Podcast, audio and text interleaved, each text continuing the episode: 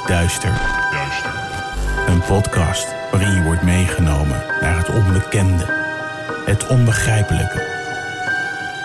Zwarte bladzijden van de geschiedenis komen voorbij. Hier hoor je de verhalen achter moord, doodslag en onverklaarbare gebeurtenissen. We kruipen in de hoofden van een serie moordenaars, heksen, mythische wezens. Luister. En huiver naar duister. Hallo duisteraars. Hoi. Welkom bij een nieuwe aflevering. Ja, de veertiende. De veertiende alweer. Gaat lekker, hè? Ja, we hebben de dertiende overleefd. Ja. hey, maar Daf, waarom klink jij een beetje alsof je... Nou, ik, eh, ik heb het natuurlijk best wel vaak over tuberculose. Ja, Nou, ik, eh, ik voel me alsof ik zelf tuberculose heb. Oh. Het is wel getest eh, vorige week. Want ehm, ja, we waren misschien toch wel een beetje bang dat het misschien corona is. Maar dat is het niet. Het is gewoon eh, een ouderwets verkoudheidje. verkoudheid. Ja. En ik kom er maar niet vanaf. Dus ehm, ik hoop niet dat het jullie heel erg stoort. Dat ik een beetje snotterig klink. Eh, het spook gaat al mijn hoesjes ertussen uitknippen, hoop ik. en eh, nou ja, het is wat het is. Maar hoe was die test? Was hij net zo naar als dat ze zeggen dat het is? Eh, ik vond het meevallen, maar het is natuurlijk voor iedereen denk Ja. ik een beetje anders wat je naar vindt. Maar eh, het klopt dat ze best wel diep je neus Ingaan. ingaan. Zeg maar, het hele staafje gaat er wel in. En daarna krijg je hem ook in je keel. En het is wel even onprettig, maar het is heel snel voorbij. Ja, het is kort hè? Ja, het, gaat, het is echt erin en eruit. En het Ja. dat je denkt, eh, niet zo fijn. En dan is het alweer klaar. Dus ja, ik weet het niet. Het is nou niet echt een... eh, Vreselijke ervaring geweest. nee. Nee. Nou, mooi. Hebben we dat in ieder geval even Ja. de wereld ingeholpen. en we hebben ook nog ander nieuws. Oh, Ja, want Vertel. wij hebben natuurlijk vorige week eh, een Q&A opgenomen. ja. En in de eerste instantie was het een beetje een spontane actie van op Instagram en Ja. Facebook van stel ons je vraag. En toen kregen we heel veel vragen. Ja, dus we hebben de leukste ertussen uitgefilterd. Of in ieder geval, sommige vragen kregen we natuurlijk ook dubbel. Mhm. Dus toen dachten we, nou weet je wat we doen? We gaan het gewoon maar filmen. Ja, precies. Dus dat hebben we gedaan en inmiddels staat het online. Ja. Dus als je ons een beetje beter wil leren kennen... of je weet nog steeds niet wie wie is... dan ehm, ja, kan je dat gewoon bekijken op onze socials. Dus dat kan op Instagram, @duisterepodcast, facebook.com slash duisterepodcast... en YouTube, duisterepodcast. En geen Twitter. Nee, nee, Nee? Twit- Twitter is niet meer. Ik wil hem reviven. dat lijkt me heel grappig. Twitter ons. Ja, nee. Nee, zullen we het niet doen? Oh, waarom niet? Ik vind het leuk. Ik heb geen Twitter, maar het Nee, lijkt dat bedoel ik, leuk. want ik, ik moet het allemaal bijhouden. Ja, Oké, nou dan, dan maar niet twitteren. nee, oké. Dat was het dan wel een beetje voor aan de voorkant, denk ik. Ja, eh, volgende week hebben we wel weer wat heel leuks. Eh leuke verrassing. Maar dat is voor volgende week. Ja, voor jullie, niet voor ons. Nee, nee, nee, nee, nee, nee. nee. we gaan wat leuks voor jullie doen. Yes. Nou, dat was lekker synchroon. hey, eh, ik ben er wel klaar voor. Jij begint, hè? Ja, ik begin deze week. Nou, moet ik nog iets eh teasen of zo? Eh, Heb je daarover nagedacht dan? ja, toeval- Zo? toevallig wel. Nou, Komt-ie. Het bloed kruipt waar het niet gaan kan. hmm, Enig idee? nee. Mooi. Nou, Nee. zo. Je Nee. hoort het al wel. Ja, nou dan ga ik maar aan mijn eigen verhaal beginnen. Doe dat. Ik ben er helemaal klaar voor.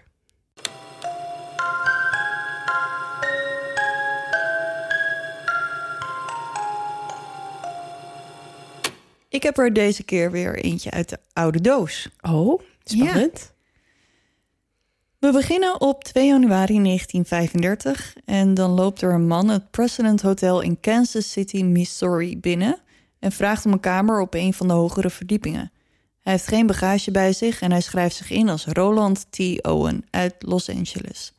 Hij betaalt voor één nacht. Hij werd beschreven als een lange man met een bloemkooloor en een groot litteken aan de En wat? zijkant van zijn gezicht. Ik heb even voor je opgezocht wat een bloemkooloor precies is. Volgens Meander Medisch Centrum is een bloemkooloor het volgende. Een bloemkooloor wordt ook wel schrompeloor of boksersoor genoemd. Dit is de benaming voor een oor dat door beschadiging van het kraakbeen het uiterlijk van een bloemkool heeft gekregen. Heel. Beschadigingen aan het kraakbeen ontstaan veelal bij sport als rugby, judo en boksen, waarbij de oren veelvuldig harde klappen te verwerken krijgen. Na trauma's op het oor kunnen bloedingen ontstaan. Deze bloedingen zitten onder het vliesje die op het kraakbeen van het oor ligt, het perigondrium. Oh, ja, dat. Door deze bloeduitstorting ontstaat er een ruimte tussen het perigondrium en het kraakbeen. Hierdoor krijgt het kraakbeen niet genoeg voedingsstoffen en verkalkt het kraakbeen door littekenvorming. Ja, ja, ik was echt halverwege begon ik een beetje af te dwalen. Maar het Ja. is in ieder geval een soort van... eh, Maar het is dus iets wat duidelijk zichtbaar anders aan Ja, hem ja. was. Het is gewoon Een iets van een, ja, een kenmerk van zijn gezicht, waardoor het dus makkelijk te onthouden is dat hij het is. Oké. Goed, nu we dat weten, gaan we verder met het verhaal. Roland krijgt kamer 1046 toegewezen op de tiende verdieping.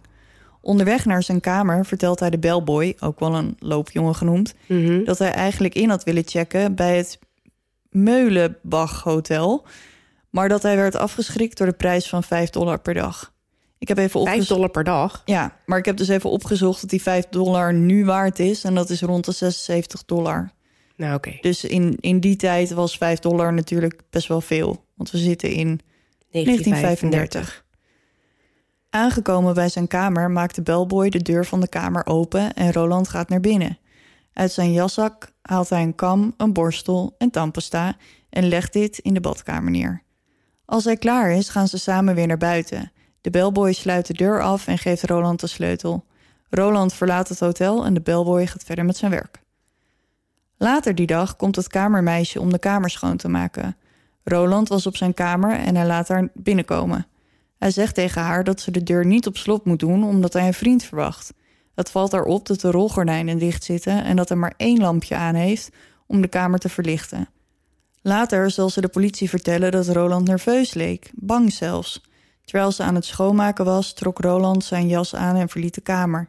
Hij herinnert haar er nogmaals aan om de deur niet op slot te doen.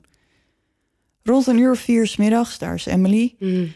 komt ze terug met een set schone handdoeken. De deur was nog steeds niet op slot en in de kamer was het nog steeds donker. Als ze binnenkomt, ziet ze Roland, die op het bed zit, volledig gekleed. Als ze bezig is de handdoeken weg te leggen, ziet ze op het bureau een briefje liggen waarop staat: Don, ik ben binnen 15 minuten terug. Wacht op me. De rest van de dag ziet niemand Roland. Pas de volgende dag rond half elf 's ochtends wordt hij weer gezien door een kamermeisje als ze zijn kamer komt schoonmaken. Ze opent de deur met haar loper. En dit is even goed om te onthouden wat ik nu ga zeggen. Dit kan alleen als de deur vanaf de buitenkant op slot is gedraaid en niet van de binnenkant. Oké. Ze is dan ook erg verrast als ze Roland op een stoel in de kamer ziet zitten terwijl hij in het donker zit te staren. Voor zich uit zit te staren. Hm, dat is wel een beetje gek. Ja, want als je dus de deur eh, van buiten op slot is gedaan, dan verwacht je natuurlijk niet dat er iemand Dat er iemand binnen zit. binnen zit. Nee, precies. Terwijl ze bezig is, gaat de telefoon in de kamer en Roland neemt op. Hij luistert even naar wat er aan de andere kant van de lijn gezegd wordt en zegt dan: Don, ik wil niet eten. Ik heb geen honger. Ik heb net ontbeten. En dan hangt hij op. Na dit gesprek begint hij het kamermeisje te ondervragen over het hotel en wat haar taken daar precies zijn. Hij benoemt ook weer hoe duur het Meulenbach Hotel is. Ik weet niet wat zijn deal met dat hotel is. Maar... Geen idee. Ja. En als ze dan klaar is, gaat ze de kamer uit en neemt de gebruikte handdoeken mee. Maar wacht, als dat hotel 5 dollar is, hoeveel kost deze dan? Ja, dat weet ik niet. In, het zal wel goedkoper geweest zijn, in ieder geval. Ja. Smiddags gaat ze weer terug naar de kamer met schone handdoeken. Als ze voor de deur staat, hoort ze in de kamer de stemmen van twee mannen. Ze klopt aan en vertelt wat ze komt doen. Een stem die ze niet herkent, dus niet die van Roland, antwoordt dat ze geen schone handdoeken nodig hebben. Het kamermeisje denkt, nou joh, prima, dan neem ik ze weer mee. En nou ja, zij gaat gewoon verder met haar werk. Diezelfde middag checkt Jean Owen in in het hotel. Ondanks dat ze dezelfde achternamen heeft als Roland, is het geen familie van elkaar en ze kennen elkaar ook niet. Ze krijgt kamer 1048 en neemt daar haar intrek. Ze had gehoopt op een rustige avond, maar helaas. De hele avond hoort ze vanuit de kamer naast haar, kamer 1046, een ruzie tussen een man en een vrouw. Huh? Dus in de kamer van Roland. Dus is, ehm, Oh ja, dat, oh ja, die slaat natuurlijk gewoon iedere keer één. Ja, waarschijnlijk zit aan, aan- ja, aan, de de andere kant kant. van de gang zit dan Net 10, zoals 47. eh, straat eh, ja, nummers. nummers. Ja, Ja. precies. Later vertelt mevrouw Owen dat ze een schermutseling hoorde. En Een schermutseling? een schermutseling. Nou ja, zeg. Ja, hoe durven ze?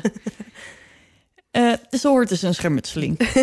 en daarna iets wat klonk als een hijgend geluid... Oh. waarvan ze aannam dat het gesnurk was. Oh, Ja, ze twijfelde nog even om de receptie te bellen... om over de geluiden te vertellen... maar besluit dan toch om het maar niet te doen. Uh-oh. Mevrouw Owen was niet de enige die vreemde activiteiten waarnam die avond. Charles Blotcher, de man die s'nachts de lift bediende, viel het ook op. Hij dacht dat er een wild feestje gaande was in kamer 1055.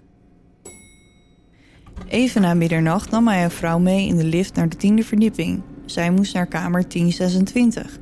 Hij had haar wel vaker gezien in het hotel en ze was, zoals hij het noemde, een vrouw die regelmatig in het hotel kwam met veel verschillende mannen in verschillende kamers. Oh ja, ja, ja.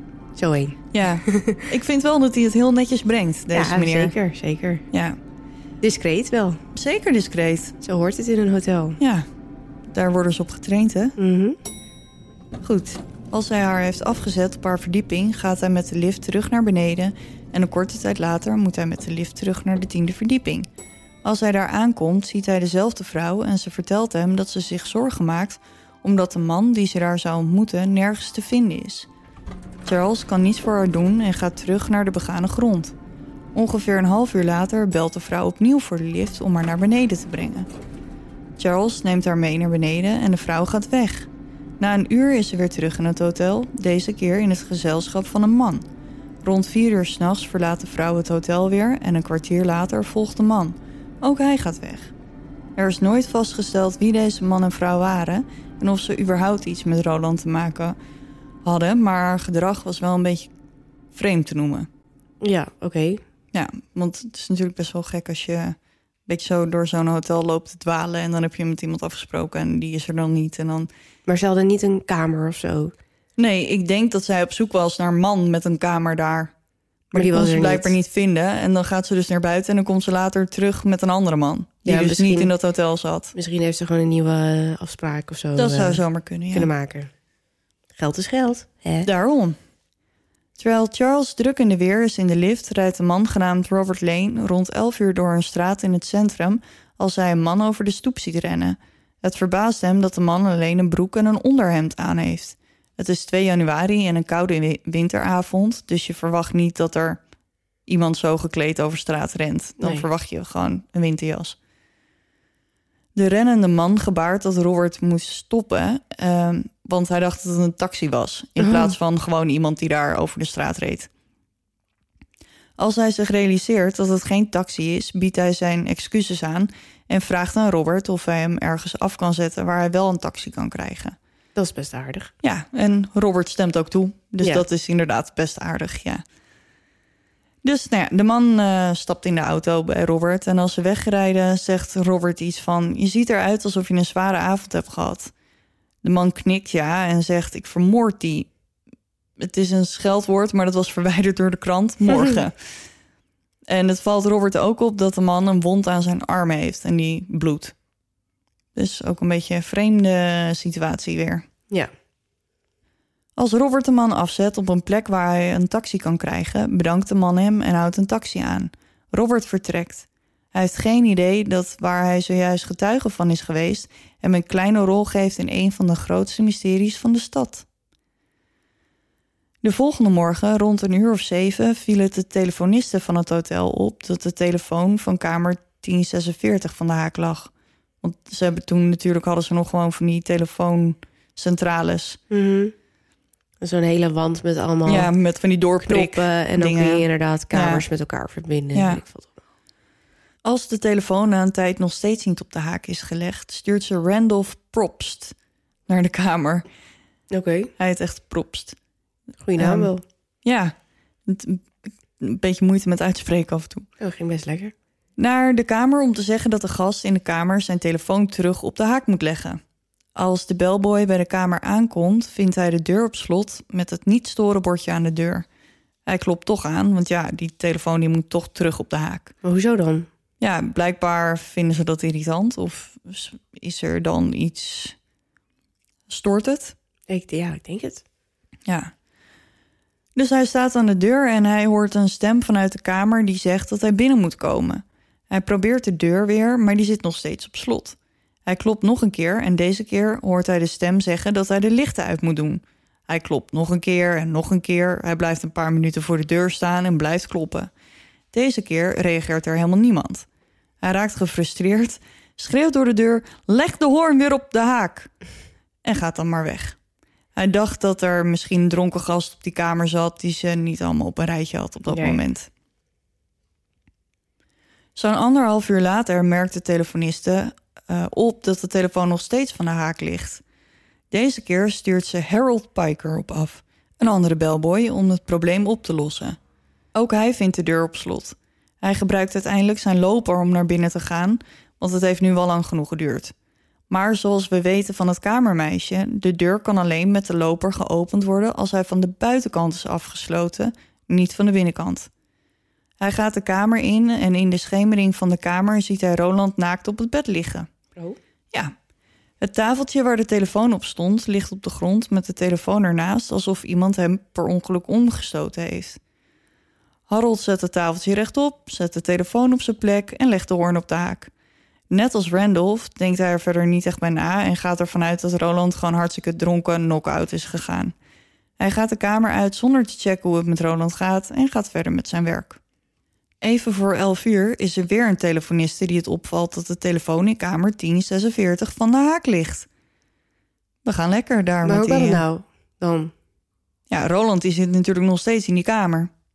Dus ze heeft weer de... Ja, Oké, ik dacht hij is misschien dood of zo. Maar dan, een dode die leggen niet... nee, nee, dat gaat vrij lastig. Dus deze keer gaat Randolph propst weer naar de kamer. Als hij bij de kamer aankomt, hangt er nog steeds het niet-storenbordje aan de deur. Hij klopt, maar krijgt geen gehoor. Ook hij gebruikt deze keer zijn loper om de kamer binnen te gaan. Randolph ging er natuurlijk vanuit dat hij een dronken gast zou vinden in de kamer, zoals hij, zoals hij eerder dacht. Wat hij vindt is echter veel en veel erger dan een dronken man. Roland, nog steeds naakt, zit steunend op zijn knieën en ellebogen op de vloer. Hij houdt met zijn handen zijn bloedende hoofd vast. Zijn handen, voeten en nek zijn vastgebonden met touw. Als Randolph het licht aandoet, ziet hij nog meer bloed. Op de muren, op het bed en in de badkamer. Hij schrikt zich natuurlijk kapot en rent de kamer uit om hulp te halen. Want Roland leeft dus nog wel. Hij is niet dood. Nee. Hij vertelt het aan de assistent-manager van het hotel en die belt gelijk de politie. De politie komt en onderzoekt het plaatsdelict. Ze denken dat de vreselijke dingen die Roland zijn aangedaan zo'n zes tot zeven uur eerder hebben plaatsgevonden. Jezus, zit hij al zo lang in zijn eentje op die kamer? Ja, hij was dus vastgebonden en meerdere keren gestoken, vooral in zijn borst in de buurt van zijn hart. Een van de messteken doorboorde zijn long. Hij heeft een schedelbreuk die hij heeft opgelopen door meerdere klappen op zijn hoofd. Op zijn nek zitten blauwe plekken, wat erop wijst dat hij is gewurgd. En er zat natuurlijk ook al touw om zijn nek. Maar die plekken die zien er dan anders uit dan een touw in zijn nek. Dus meer gewoon handafdrukken. Ja, ja. Een touw is misschien meer een stream. Ja, en dit zijn meer gewoon echt blauwe plekken, terwijl het inderdaad meer een stream. Ja, Ja, precies. En overal in de kamer zat bloed. Hij was gewoon gemarteld. Als de politie aan Roland vraagt wat er in godesnaam gebeurd is, brengt Roland zwakjes uit. Ik ben tegen het bad aangevallen. Ja, ja. Ja, sure, dan ben je er zo aan toe, ja. Ja. Ze vragen hem ook wie hem dit heeft aangedaan en Roland zegt: Niemand. En nou ja, ze vragen hem of hij zelfmoord had willen plegen en Roland antwoordt met een nee. Dus het wordt er allemaal niet duidelijker op. Nee. Ze doorzoeken de kamer op aanwijzingen en het is eigenlijk wat ze niet vinden wat het plaatsdelict zo raar maakt. Er was namelijk geen enkel kledingstuk te vinden. Gewoon helemaal niks. We weten natuurlijk dat Roland naakt op bed lag, maar in zijn kamer is zijn kleding dus nergens te bekennen. Niet alleen zijn kleren zijn weg, ook de hotelzeep, shampoo en handdoeken zijn verdwenen. Een wapen is ook nergens te bekennen. Het enige wat ze wel vinden is het labeltje van een stropdas, een niet gerookte sigaret, vier bloederige vingerafdrukken op een lampenkap, of de telefoon. Ik zag allebei voorbij komen, maar ik weet dus niet waar ze ze precies gevonden hebben. Er zijn in ieder geval ergens vier vingerafdrukken. Oké. En ze vinden ook een haarspeld. En de vingerafdrukken die gevonden werden waren klein, wat de politie ervan uit deed gaan dat ze gemaakt werden door een vrouw. Ze vergelijken ze met de vingerafdrukken van het personeel en met Roland zelf, maar ze vinden geen match. Een medewerker vertelt de politie dat hij een paar uur eerder een man en een vrouw haastig het hotel zag verlaten. Zouden dit dan de man en de vrouw zijn die Charles, de bellboy in de lift, heeft gezien? Mhm. Volgens een detective die aan de zaak werkte, was er geen twijfel mogelijk dat iemand anders hier iets mee te maken heeft. Dus er moet wel gewoon iemand van buitenaf Mhm. bij betrokken zijn geweest. Roland is natuurlijk tijdens het onderzoek afgevoerd naar het ziekenhuis met een ambulance. Onderweg belandt hij in een coma en later die avond overlijdt hij. Oh, dus toch. Ja, Dan heeft hij... Ja, nou ja, de gezellig dan al die tijd alleen op die kamer. ja, Met zijn letsel. ja. En er is dus niemand geweest die dat is opgevallen. Nou ja, wel, want die hoorn lag eraf. Alleen niemand... Ja, niemand heeft de moeite genomen om het licht aan te doen. Ja, precies. Ja. En als hij nu nog steeds op zijn bed had gelegen, dan was er waarschijnlijk nog steeds niemand geweest. Nee, ja, het kamermeisje misschien de volgende Ja, dag. de volgende dag. Maar dan was het die- sowieso al afgelopen natuurlijk. Yes. De politie onderzoekt de zaak nu en al snel realiseren ze zich dat dit niet zomaar moord is. Ze gaan op zoek in alle bestanden die ze tot hun beschikking hebben in Los Angeles, maar ze vinden nergens een spoor van een Roland T. Owen. Ze concluderen dat het meest voor de hand ligt dat Roland zich onder een pseudoniem heeft ingeschreven in het hotel. Op de avond van Rolands overlijden krijgen ze een telefoontje van een anonieme vrouw die zegt dat de dode man uit Clinton, Missouri komt. Zo, Ja, ik weet niet hoe ze daarbij Clinton, kwam. Missouri. Ja, Dat is, eh, dat is eh, heel erg eh, in detail dan. Ja, maar ze zegt dan verder Maar die niks. heeft hem zien liggen in het mortuarium of zo, of weet ik veel. eh, of hij, Nee, dat nee ik denk dat het gewoon in de krant bekend werd dat er een dode man daar was gevonden. Oké, met een foto. Nee, want Rolands lichaam wordt overgebracht naar een begrafenisonderneming en daar wordt hij publiekelijk tentoongesteld in Oh, de hoop joh. dat iemand de man herkent. Oh, oké. Ja, Dus misschien daarvan. ja, maar ik weet niet of dat gelijk al, want het is diezelfde avond. Op de avond van het overlijden van Roland staat hier. Dus dat zal ook wel een onderzoek gestaan hebben. Wacht, dus die vrouw die belt op de avond van zijn overlijden. Dus Ja. het is echt net gebeurd. Ja, Oké. V- Nou, nou, oké. ja dus hij ligt nu opgebaard bij de begrafenisonderneming. check. Onder de bezoekers is ook Robert Lane, de man die Roland een lift gaf naar de taxistandplaats, die hem identificeert als de vreemde man die te koud gekleed door de stad liep in de nacht van 3 januari. Oh ja. Want hij had alleen zijn Mhm. onderhemd aan. Ja. Een paar andere bezoekers, een stel barmannen, zeggen dat ze een man die lijkt op Roland hebben gezien in het gezelschap van twee vrouwen. De politie ontdekt ook dat de man die op Roland lijkt de avond voordat hij incheckte in het President Hotel kort had verbleven in het Meulenbach Hotel, waar hij zich inschreef als Eugene K. Scott uit Los Angeles. Oh, weer een andere. Ja. Het is natuurlijk niet heel verrassend dat de politie helemaal niet eh, niemand met die naam kon vinden in Los Angeles. Ze komen er ook achter dat Roland of Eugene eerder in het Kansas City Hotel en het St. Regis Hotel heeft verbleven, deze keer samen met een andere man die nooit is geïdentificeerd.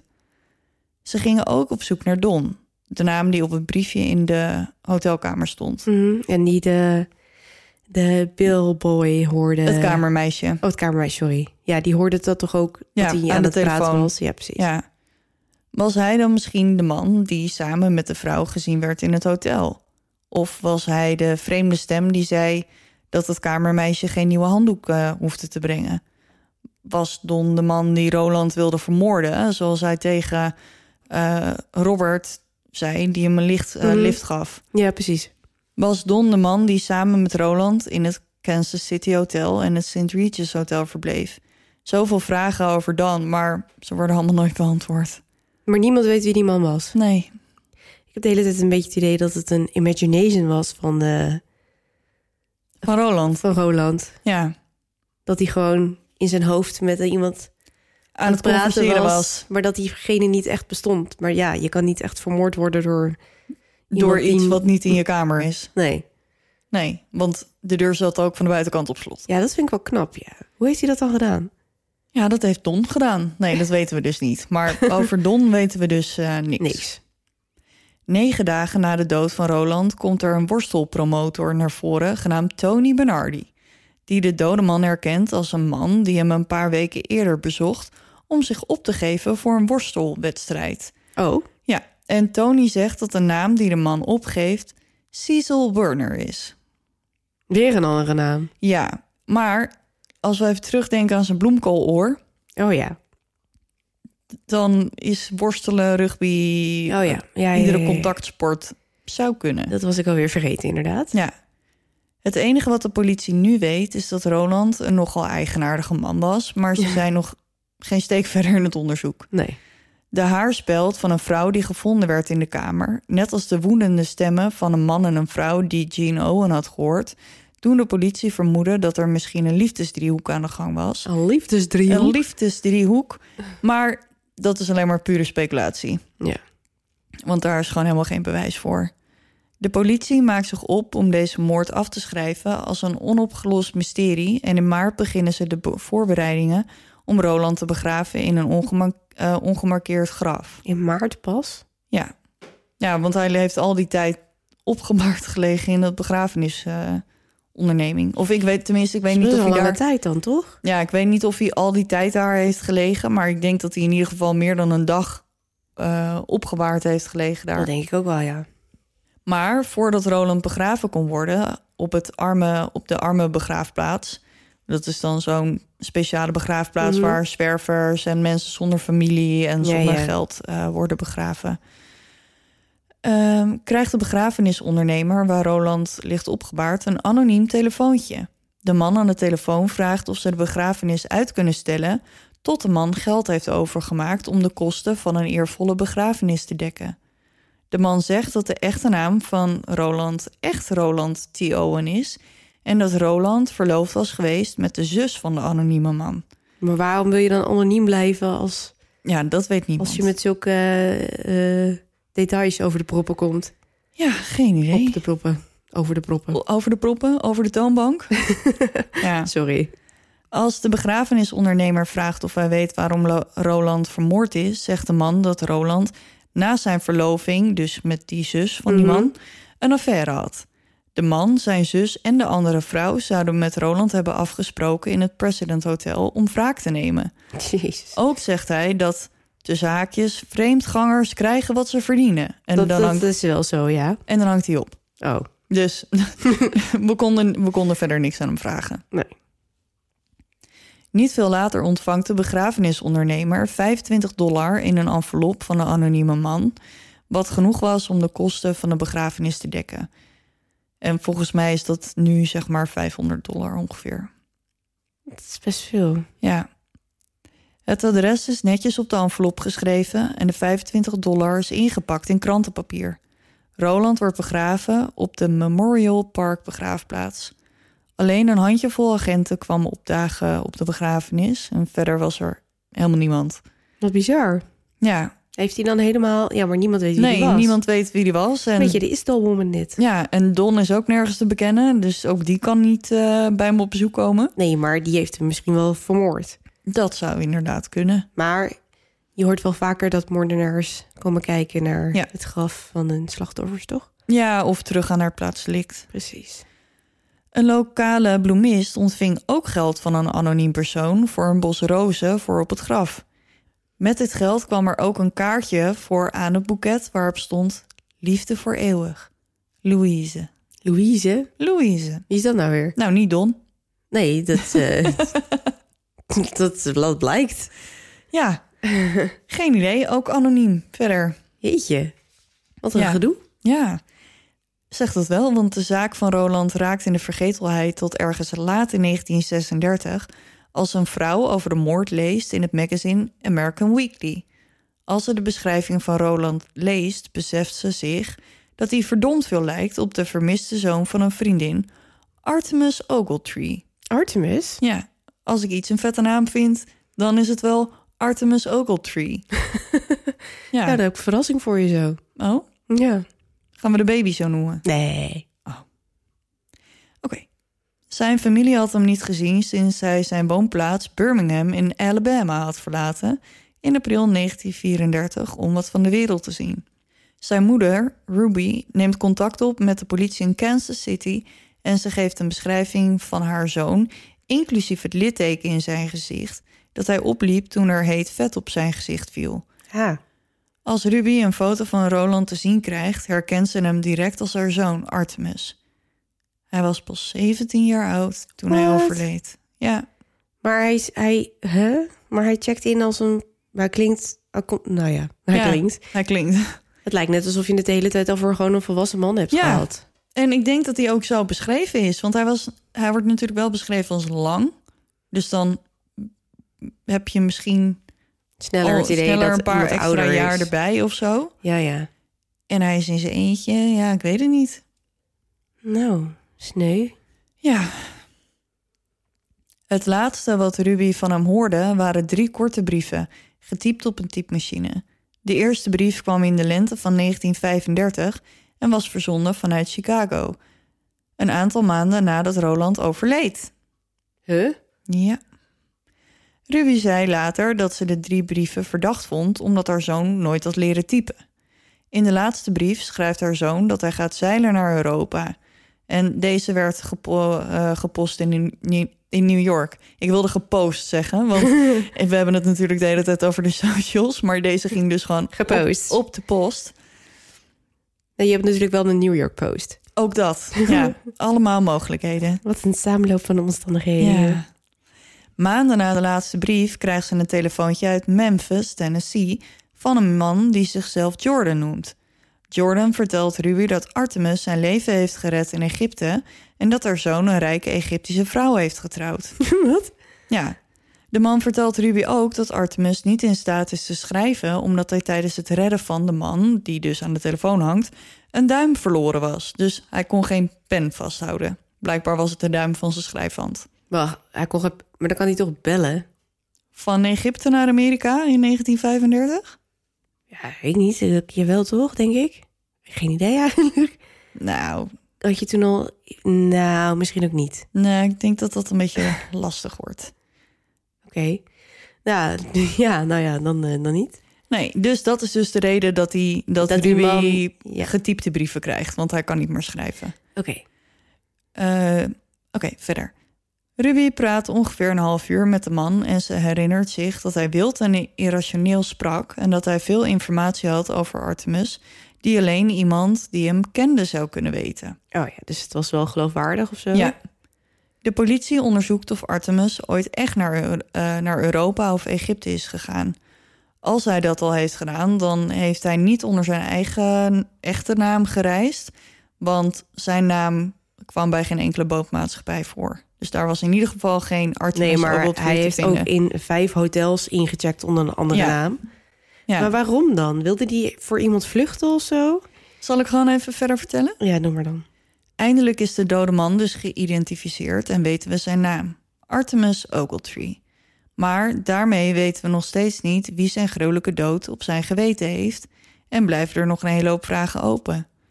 Waarom gebruikte Artemis valse namen?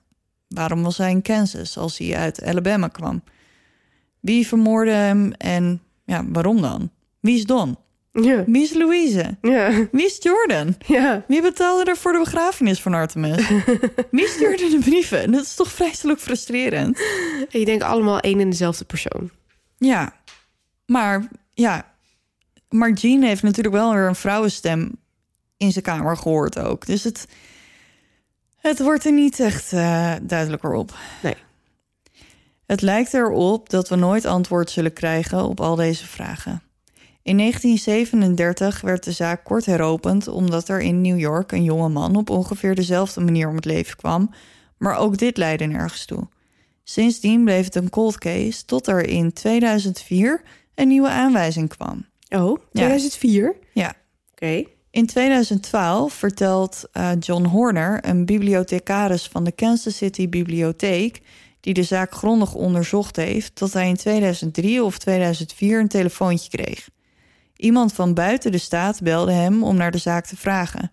De beller, die anoniem wilde blijven, zei dat hij bezig was de spullen van iemand die recent overleden was uit te zoeken. Tussen deze spullen vond hij een doos vol krantenartikelen over de zaak. De beller zegt ook dat er in de doos tussen haakjes iets, iets zat. Dus er lag een ding in, Mhm. Een object. een object, ehm, wat in de krantenartikelen werd genoemd. Als John vraagt wat dat iets dan is, wil de beller geen antwoord geven. Nee, natuurlijk niet. En dat is het laatste wat er over deze zaak bekend is. Ik heb natuurlijk wel nog een beetje theorieën opgezocht.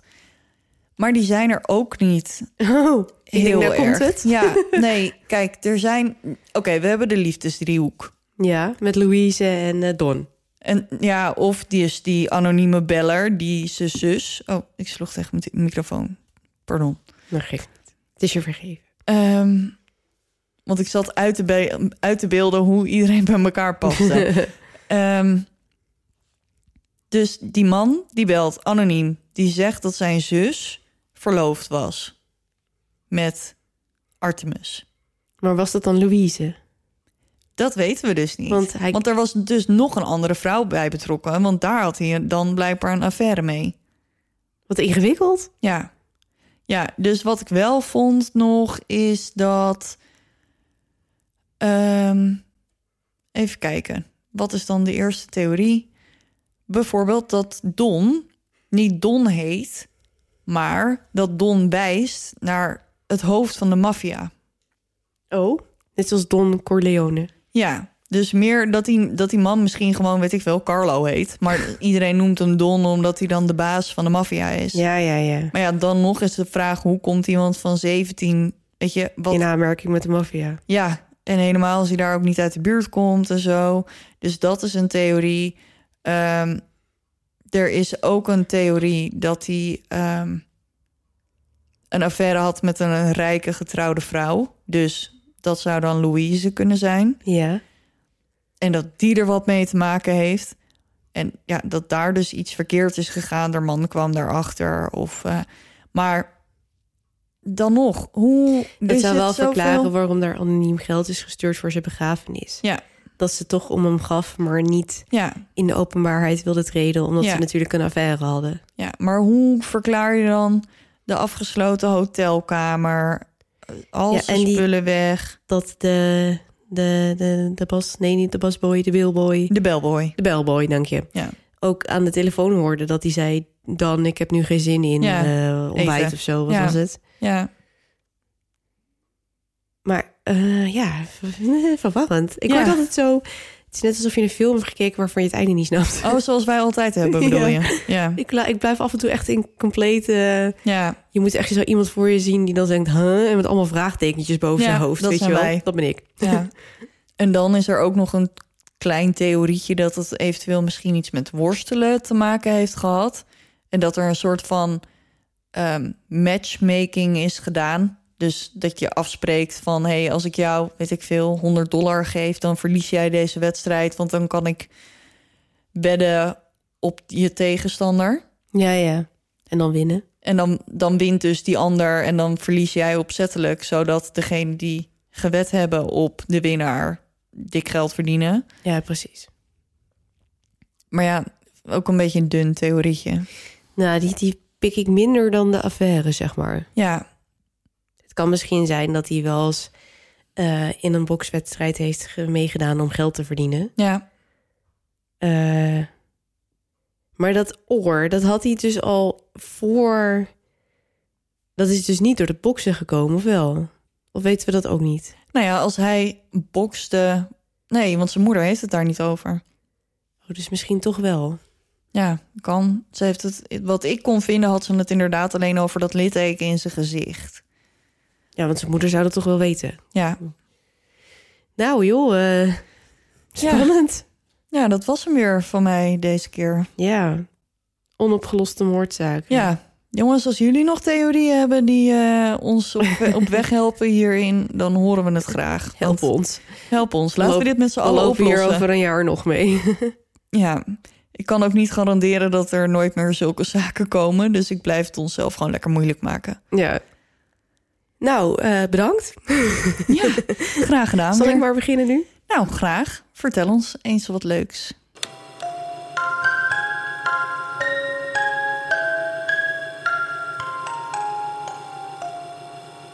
Nou, deze vind ik zelf echt heel leuk. Oh, Ja. Eh, we gaan het namelijk hebben over vampiers. vampiers. Ja, en ik vind het echt heel grappig dat we wederom een invul, invulformulier... Ik krijg het nog steeds mijn strot niet uit, naar 14 afleveringen. Invulformulier. Invulformulier. Eh, of het niet leuk zou zijn om het een keertje over vampiers te doen. Toen dacht ik, ja hoor, Alweer. gaan jullie lekker? Ik ga het volgende keer over helderziende duisteraars doen. Ja. Dat lijkt me heel grappig. Maar goed, vampiers dus. Eh, die zijn voor mij behoorlijk duister. Want eh, er hangt wat sensueels en intelligents om hen heen. En dat maakt ze voor mij behoorlijk mysterieus. En spannend ook wel een beetje. Eh, vampiers gaan echt al heel lang mee. De Romeinen hadden ze al. En natuurlijk tijdens de middeleeuwen waren ze niet erg graag geziene gasten. Dus ik heb er weer even een Wikipedia op losgelaten. Want dat is mijn, eh, mijn ding, hè? Je beste vriend. Ja. Wat een vampier nou precies is, hoe je hem of haar buiten de deur houdt en hoe je er weer vanaf komt. Oké. Maar we beginnen bij de vampier. Vampiers zijn ondode menselijke wezens die s'nachts uit hun graf opstaan om op zoek te gaan naar een menselijk slachtoffer. Als er een slachtoffer gevonden is, gebruikt de vampier zijn hypnotische en sensuele krachten om het slachtoffer te bedwelmen en bijt hij in de hals en zuigt zo al het bloed uit het lichaam. Wanneer er geen bloed meer over is, zal het slachtoffer een vampier worden, maar alleen als deze het bloed van de vampier drinkt. Vampiers worden gekenmerkt door hun vlijmscherpe hoektanden, hun bloedrode lippen, bleke huid en hun vermogen om zich te kunnen veranderen in een vleermuis of een weerwolf. Beetje zoals ik dus. Ja, ja, precies. Ook tonen zij geen schaduw, kunnen niet tegen daglicht en kunnen ze niet tegen knoflook en wijwater. De allereerste vampiers mogelijk terug te voeren naar de Griekse mythologie in het verhaal van een jonge Italiaanse man genaamd Ambrogio en de liefde van zijn leven, Selena. Volgens de mythe werd Ambrogio, daar is Emily weer. Eh, Ambrogio dus, niet Emily. Oh, wacht, nu wordt het ingewikkeld. Ik volg het niet meer. Oké, nog een keer. Volgens de mythe werd Ambrogio verliefd op Selena na een bezoek aan het legendarische orakel in de tempel van Apollo, de zonnegod. Ambrogio vroeg Selena met hem te trouwen, maar hij wist niet dat de jaloerse Apollo haar voor zichzelf wilde hebben. Apollo vervloekte Ambrogio door zijn huid te laten verbranden wanneer hij werd blootgesteld aan zonlicht.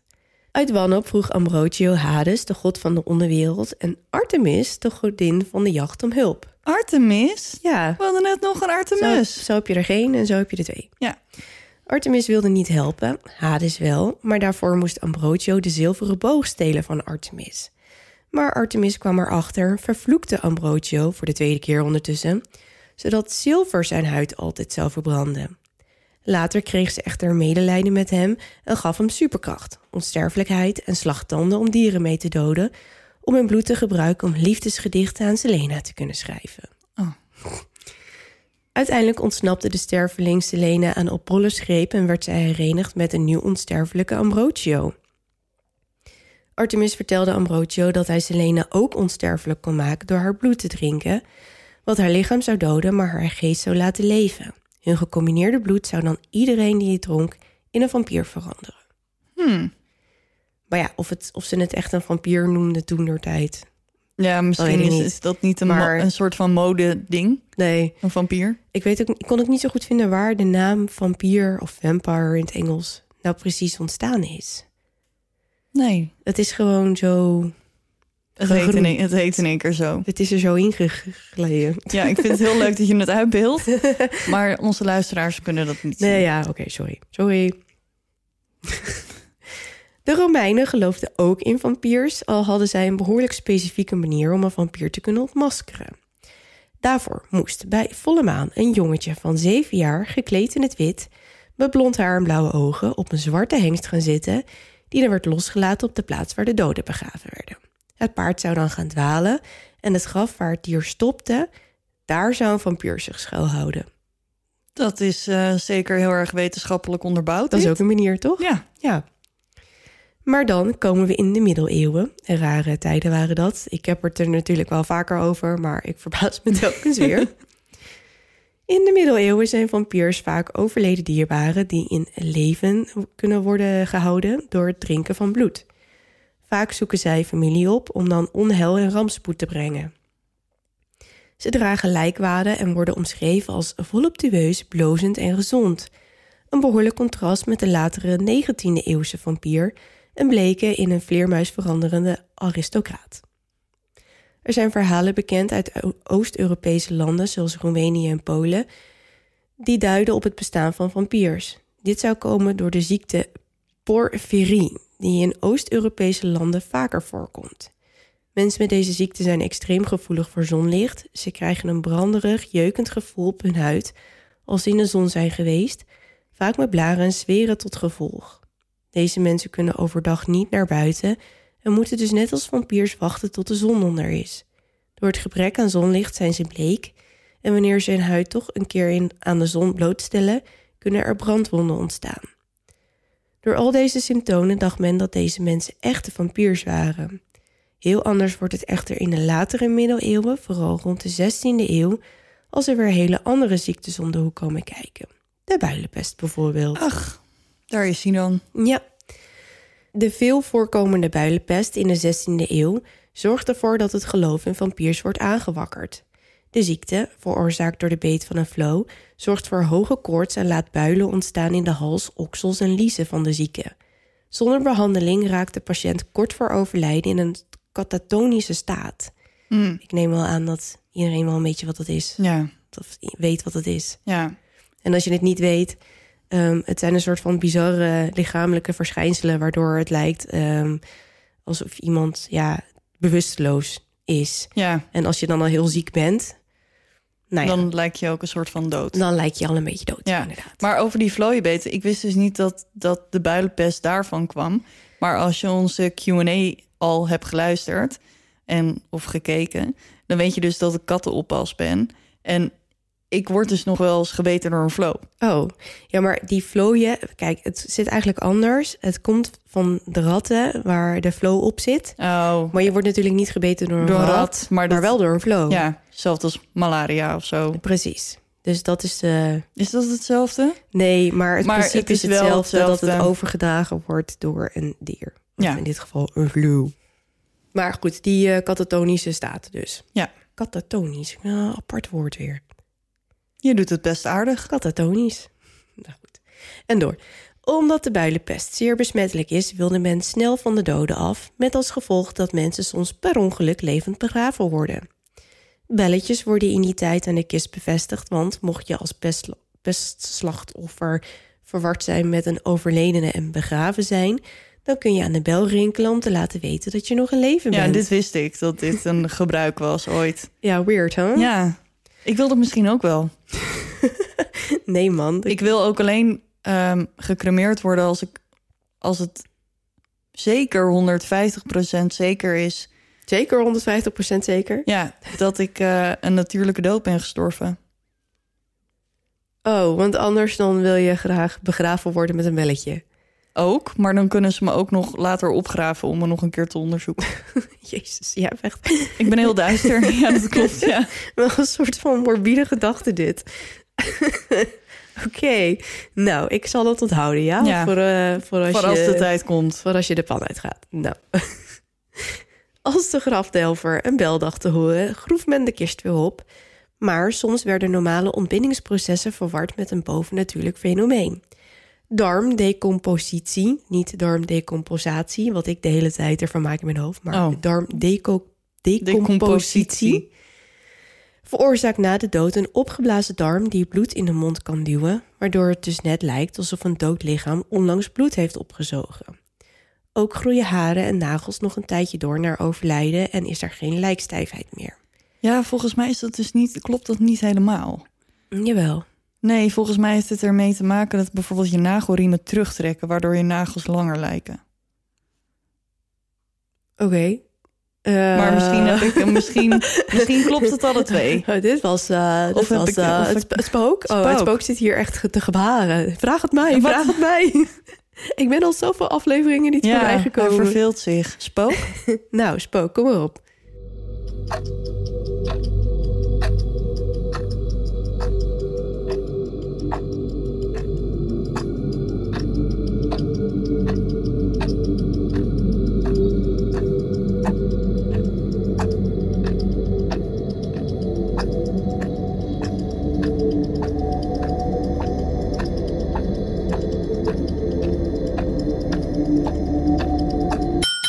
Oké, nou je had gelijk. Ja.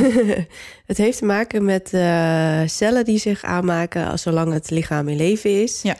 En als het, eh, als het lichaam stopt met leven, dan droogt de huid in en dan trekt het inderdaad een beetje terug. Ja, en dan zo kan En het dan bijvoorbeeld het ook dus- lijken alsof je nagels gegroeid zijn. Maar bijvoorbeeld mannen kunnen dan na een paar dagen nog een stoppelbaardje Precies. krijgen. Maar dat komt dus omdat je huid indroogt. Ja, Komt dat wat al onder de huid klaar lag om te groeien, precies. dat komt, dan, naar boven. tevoorschijn. Ja.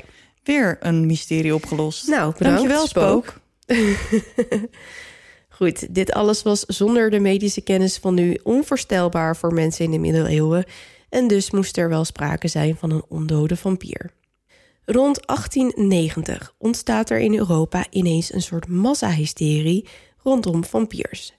Bram Stokers roman Dracula uit 1897 staat nu nog steeds bekend als het ultieme vampierverhaal en vormde daarmee de basis van de moderne vampierlegende. Bram baseerde zijn boek op Vlad de Spitser. Vlad was een bloeddorstige krijgsheer uit de 15e eeuw die hartstochtelijk vocht tegen de Turken om zijn rijk uit te breiden. Hij stond erom bekend zijn tegenstanders te spitsen en daarna met de stervende slachtoffers te dineren, waarbij hij zijn brood in hun bloed doopte. Fun fact.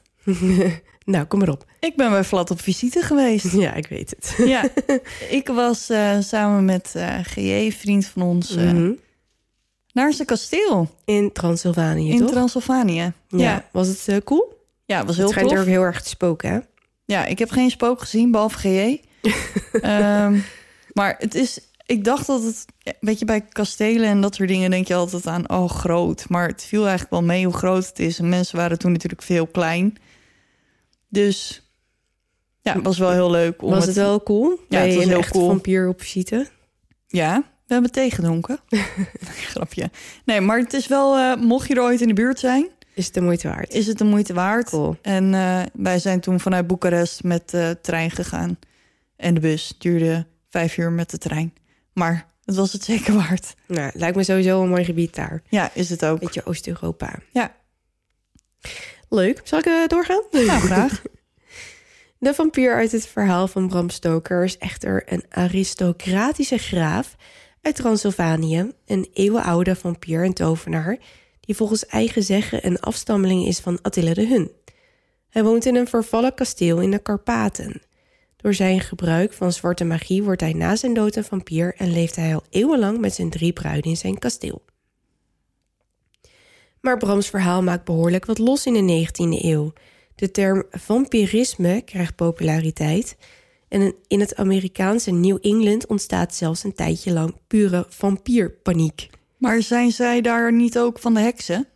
Eh, Is New England niet ook zo'n regio waar... Ja, een beetje. Want de heksenjacht, die trials, zeg maar, waar Ja. we het laatst over hadden in Salem, dat was in Massachusetts. Ja. Maar ehm, ik heb wel een beetje het idee dat Oost-Amerika inderdaad zich best wel in de folko- folklo- Folklore. folklore Folklore, folklore. liet Ja. leiden door allemaal eh, mythische gebeurtenissen. Ja, ze, Dat maar klopt raken daar ook wel redelijk snel in paniek. Dat klopt. Ja. Maar weet je hoe dat komt? Denk ik. Dit is niet. Dit, dit is een gok van mij. De settlers vanuit Engeland Mhm. en Nederland en nou ja, heel Europa, die naar Amerika trokken, kwamen natuurlijk in het oosten aan. Ja. En Amerika is heel erg groot. Helemaal als je nog niet een auto hebt of een vliegtuig. Dus ehm, mensen die ehm, overkwamen, die vestig- vestigden zich allemaal in het oosten van Amerika natuurlijk. ja, Dus ik denk dat het daar een beetje door komt. dat zou een theorie kunnen zijn, ja. Ja, dat is in ieder geval. Ik, Jouw als jij geschiedenisdocent bent en je denkt, nou, wat een onzin, laat Ja. het me even weten. Ja, Maar ik denk dat het een beetje daardoor komt. dat zou kunnen, ja. Met alle verhalen die ik ooit gelezen heb, wat jij zegt, Oost-Amerika is een beetje beïnvloedbaar wat dat betreft. Ja, zou, misschien heeft het geloof er ook nog wel mee te maken. Uh, ik heb geen idee. Ik roep ook maar, heel, Amerika is nog steeds best wel een gelovig land. Ja. Oké, maar die vampierpaniek. ik vond het zelf best wel grappig. Het beeld wat men van een vampier had veranderd, mede door de roman over graaf Dracula, naar een welbespraakt, intelligent wezen, vaak van adel, die in een kasteel woont of in een groot afgelegen huis en overdag in een doodskist slaapt. Het wezen moet zich voeden met bloed en kan geen daglicht verdragen. Zelfs in een tijd van vele wetenschappelijke ontdekkingen geloven mensen dat hun dierbaren s'nachts terugkomen om zich te voeden aan de mensheid. De angst voor de dood en wat er daarna kan gebeuren draagt hier aan bij. Honderdduizenden graven wereldwijd worden opengebroken om er zeker van te zijn dat de overledene geen vampier is. Een voorbeeld hiervan is het verhaal van Mercy Brown. In 1892 komt de familie Brown van Exeter, Rhode Island, bijeen op het plaatselijke kerkhof. Ze zijn daar om hun moeder te begraven, die net is overleden aan tuberculose. Binnen een paar maanden lopen bijna al haar kinderen, Mary, Mercy en Edward, de ziekte op en sterven ook. Het feit dat het grootste deel van de familie snel achter elkaar sterft, wekt de argwaan van de mensen uit de gemeenschap. Uit angst dat een van de overleden mensen terug zal keren als vampier, halen ze de overgebleven Browns over om de lichamen op te graven. Spam. om te zoeken naar tekenen van vampirisme. Wanneer de lichamen eenmaal zijn opgegraven, merken ze dat Edward en Mary allebei het verwachte ontbindingsproces hebben doorlopen. Maar het lijk van de jonge Mercy ziet er nog steeds fris uit. Voor de mensen van Exeter is dit onmiskenbaar bewijs dat Mercy een vampier is en snel zal terugkeren om het halve dorp uit te moorden. Tuurlijk. ja. Dus Mercy's borst wordt opengesneden en haar hart wordt verwijderd en verbrand. De as wordt vervolgens gemengd met water en aan een nog levende, maar wel zieke broer gegeven. Om hem te beschermen tegen de invloed van zijn ondode zusje. Ik zie je kijken. Ja, ik zit een heel vies gezicht te trekken. Gadver. Ja. Zou, zou uh, de zeepmaakster uh, hier inspiratie uitgehaald hebben? Uh, ik heb geen idee, maar een papje van as. Ja. Mm. Mm. Maar het lijkt allemaal niet te hebben gewerkt, want ook hij sterft een paar dagen later. Ja, waarschijnlijk hebben ze het nog versneld ook zo. Ja, ik weet niet zo goed wat als doet met je lijf. Maar, nee, uh, en een mensenhart. En hij was natuurlijk al ziek. Dus ook nou ja, het was hebben snel... ze hem nog even extra. Het, uh, het was snel klaar. Ja. er ontstaan verschillende methodes om een vampier te doden, mocht men er een hebben gevonden. Voor bescherming draagt men ten alle tijde zout bij zich. Ook weet men dat een vampier niet ongevraagd het huis mag binnenkomen en helpt het om zout te strooien bij deurposten en knoflook op te hangen bij raamkozijnen. Maar weet je, ik heb me rot gezocht om uit te vogelen waarom een vampier niet tegen knoflook kan. Het enige wat ik kon vinden is dat ze er een afkeer tegen hebben. Ja. Maar waarom dan? Omdat het stinkt. Ja, maar ja, ze zijn toch al dood. Ja. Dus ja, geen idee. Ja. Maar dat zout, dat is trouwens even tussendoor, helpt natuurlijk niet alleen tegen vampieren, maar ook gewoon tegen spoken in het algemeen. Uh, dat klopt, ja. Maar, uh, nou ja. Dat Bedwalen af. Ja. Vampieren. vampieren. Als een vampier eenmaal geïdentificeerd is, moet men een aantal stappen volgen. Men moet ten eerste het graf vinden van de vampier. Dan moet men voor middernacht een houten staak door het hart jagen en dan verbranden. Daarna moet het hoofd worden losgesneden van de romp. Extra's zijn knoflook of een steen in de mond proppen, een gezegende kogel niet van zilver, in het lichaam of in het hoofd schieten, het gehele lichaam omdraaien zodat het geen kans meer heeft om op te staan. En dan zou je voorgoed van het monster verlost moeten zijn. Lijkt me een uh, redelijk uh, uitgebreid proces. Ja, tuurlijk. Maar ja, ja. Je, je, kan niet een vampier doden met. Uh... Alleen knoflook. Ja, nee, nee, nee, nee. nee. Dan, dan komt hij terug. Maar ik dacht inderdaad dat het, dat het een zilveren kogel moest zijn. Nee, nee, nee. Een, uh, wel een, een ingewijde, zeg maar. Ja. Dus hij moet geheiligd worden, of weet ik veel hoe dat werkt, door ja. een kerk, uh, kerk, kerkelijke meneer. Kerkmeneer. en dan, uh, want zilver, dat doet hem niet zoveel. Dat werkt wel weer bij weerwolven, maar dat een andere keer. Ja. Maar niet bij vampiers. Hmm. Oké. Okay. Maar um, wat wel cool is, er zijn soms als als, als er huizen worden gebouwd of zo, Ja. weet je wel. Dan stuiten ze op zo'n graf uit de middeleeuwen die dan daar, nou ja, weet ik veel. eh, dat- dat, Honderden jaren heeft gelegen. ja, precies. Maar eh, er worden dus nog wel eens eh, lichamen gevonden die dan andersom liggen. Oh, met ja. het hoofd los van, de, van het lichaam. En dan handen op de rug gebonden. En dat la- duidt er dan echt op dat men die Dacht- persoon als vampier heeft beschouwd. ja. Ik heb daar foto's van, die zal ik wel uploaden. Dus ook, nou ja, ik, vind, ik vind het dan wel cool om te zien. Maar Ja, ik kan me voorstellen dat het niet voor iedereen... eh, nee, We zetten ze wel op de site en niet op Instagram. Dan kan je gewoon nee, nee, zelf nee, nee, nee, kijken. zeker niet. Dan kun je inderdaad zelf kijken of je het wil zien of niet. Oké, ik vond nog één interessant verhaal over een vampier. Dat wil ik wel graag aan je vertellen. Ja. Een man uit Siberië zou een aantal dagen na zijn dood zijn opgestaan om zijn mede-dorpsbewoners op te jagen. Oh, ja. en eh, hoe deed hij dat? Nou, dit verhaal gaat over Petar, de vampier van Kiseljevo. Kisseljeven. Kiseljevo. Ik weet niet of ik het goed uitspreek. Nee, maar is, het klinkt wel uit die regio. Ja.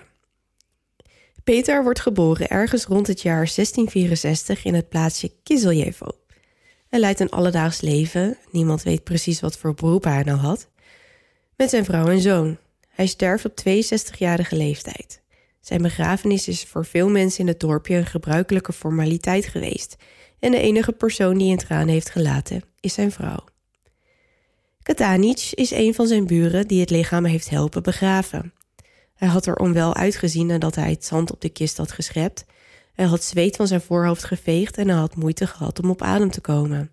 Zijn vrouw had aangenomen dat het een combinatie was van het zware werk in de hete zon en de rakija, dat is een kerstdrank, Oh, oké. denk ik. Ik weet ook niet zo goed of ik het goed uitspreek. Nee, Rakija, rakija, rakija.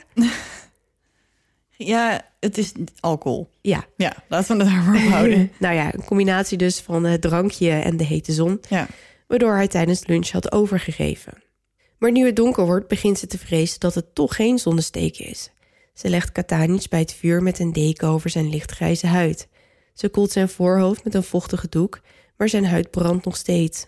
Zijn lippen bloeden van de uitdroging, maar zijn maag wordt steeds groter en zwelt op. Met elke ademhaling vult deze een beetje meer, alsof er een ballon in de buik van Katanic zit en het enige wat zijn vrouw kan doen is toekijken en wachten op het onvermijdelijke moment dat die ballon zal knallen. Maar dat moment zal ze niet zien, want niet lang daarna begint de koorts ook haar lichaam over te nemen. In tegenstelling tot haar man is haar huid koel en vochtig en begint het te scheuren. Blaren die vol zitten met een schimmelachtige substantie verspreiden zich over haar hele lichaam. Geen van beiden leeft tot de volgende dag. Het arme dorpje Kiseljevo verliest de volgende acht nachten veel meer hulpeloze zielen. Allemaal claimen ze op hun sterfbed dat ze bezocht zijn door Peter. Midden in de nacht zou hij hebben aangeklopt bij hun woningen, smekend om voedsel. De bewoners, slaperig en met hun armen wrijvend door de kilte van de nacht, waren geschokt, denkende dat Peter nog in leven was en dat zijn dood een vergissing was geweest. Stuk voor stuk hadden ze hem binnengelaten, waarna haar Peter hen had aangeraakt. Tussen aanhalingstekens. Want wat ze daarmee bedoelen, dat weten we niet.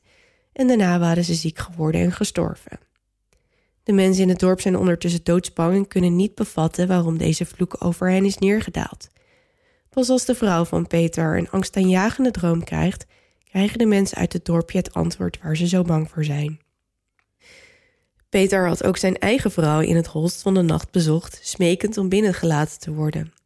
Hij was een holle en bleke versie van zichzelf met ingevallen diepe ogen en vers bloed rondom zijn mond. Hij eiste zijn schoenen en ze beefde van angst en ongeloof toen hij haar bij de armen greep en haar door elkaar schudde. Zijn greep steeds strakker om haar armen. Zijn stem was diep en donker, maar schor omdat hij herha- herhaaldelijk wilde weten wat ze nou met zijn schoenen had gedaan.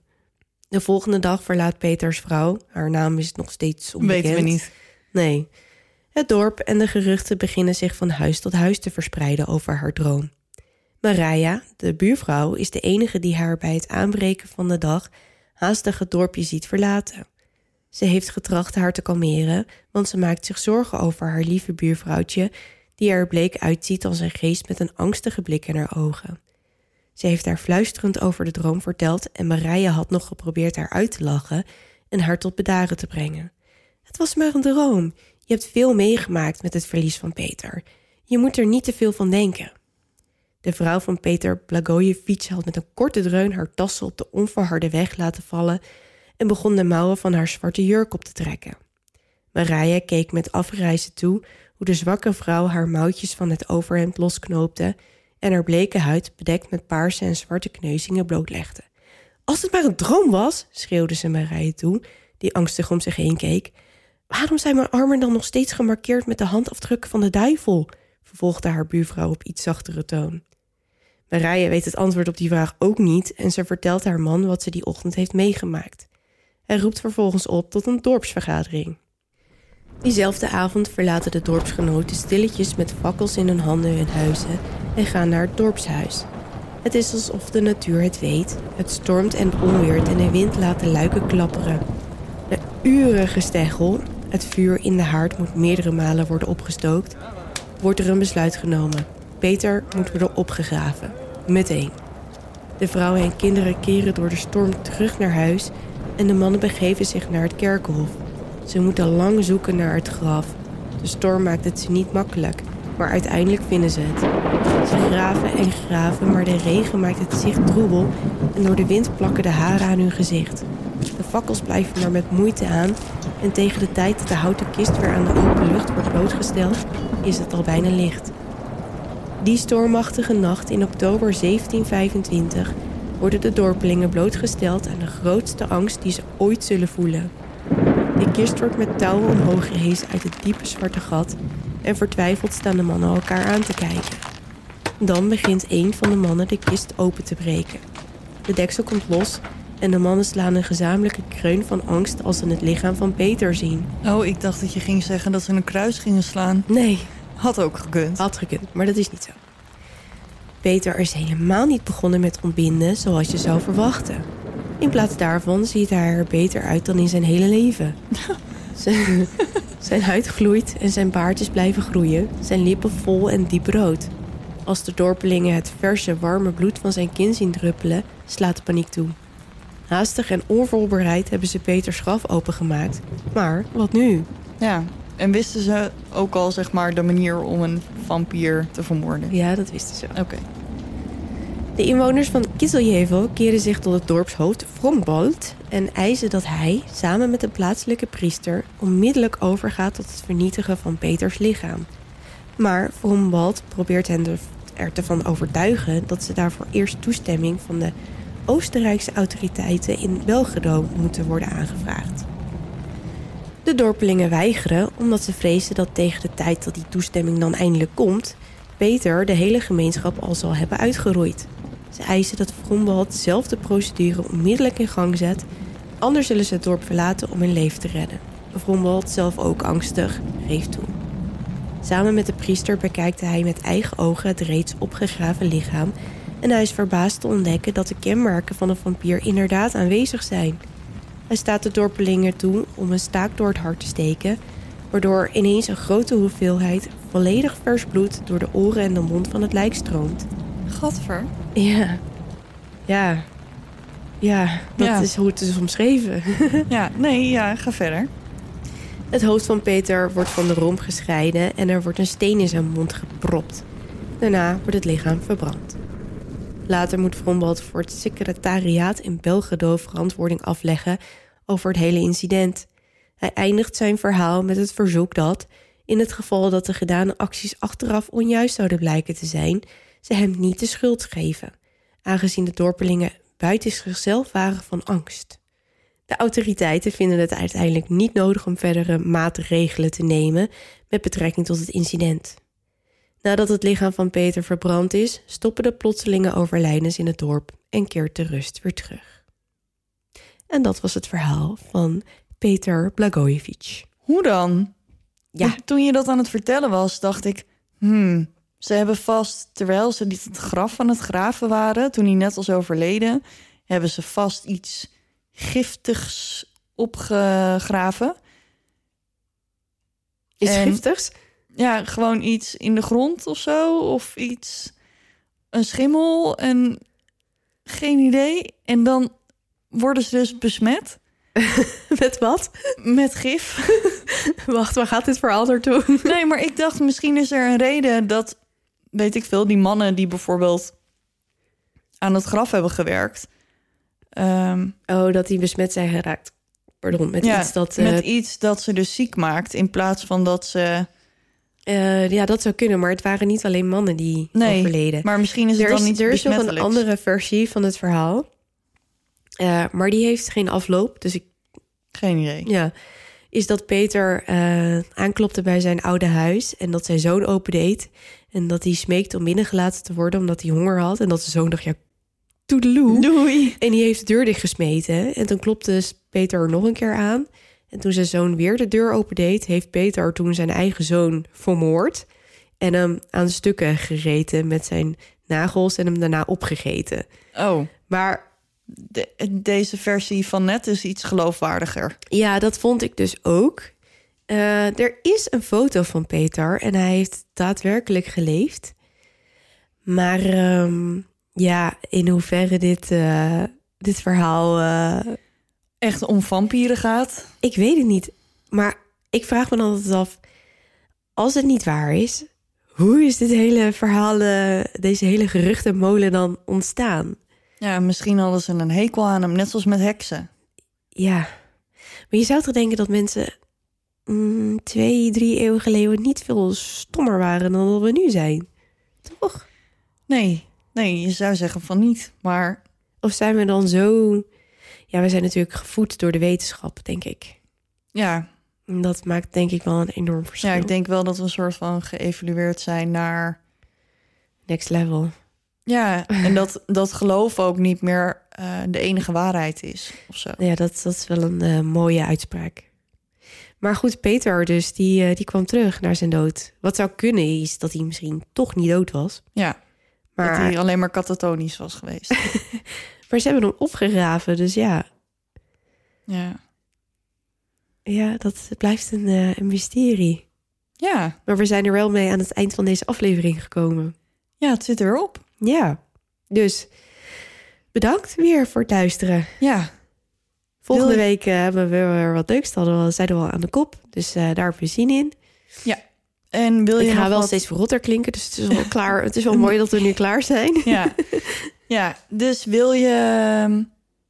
eh, heb je onze Q&A gemist en, en wil je ons alsnog wat vragen... dan kan dat gewoon op de socials of Zeker. via het invulformulier op de website. Ja, die wordt lekker gebruikt. Ja, echt. Het ik denk dat eh, mijn plug van goed. vorige week toch geholpen heeft. Ja, Want we krijgen inderdaad allemaal weer een invulformuliertje binnen. nou lekker toch? Ja, dus bedankt daarvoor. Yes. Zoek En, ons op eh, op de socials, volg ons, deel ons, Ja.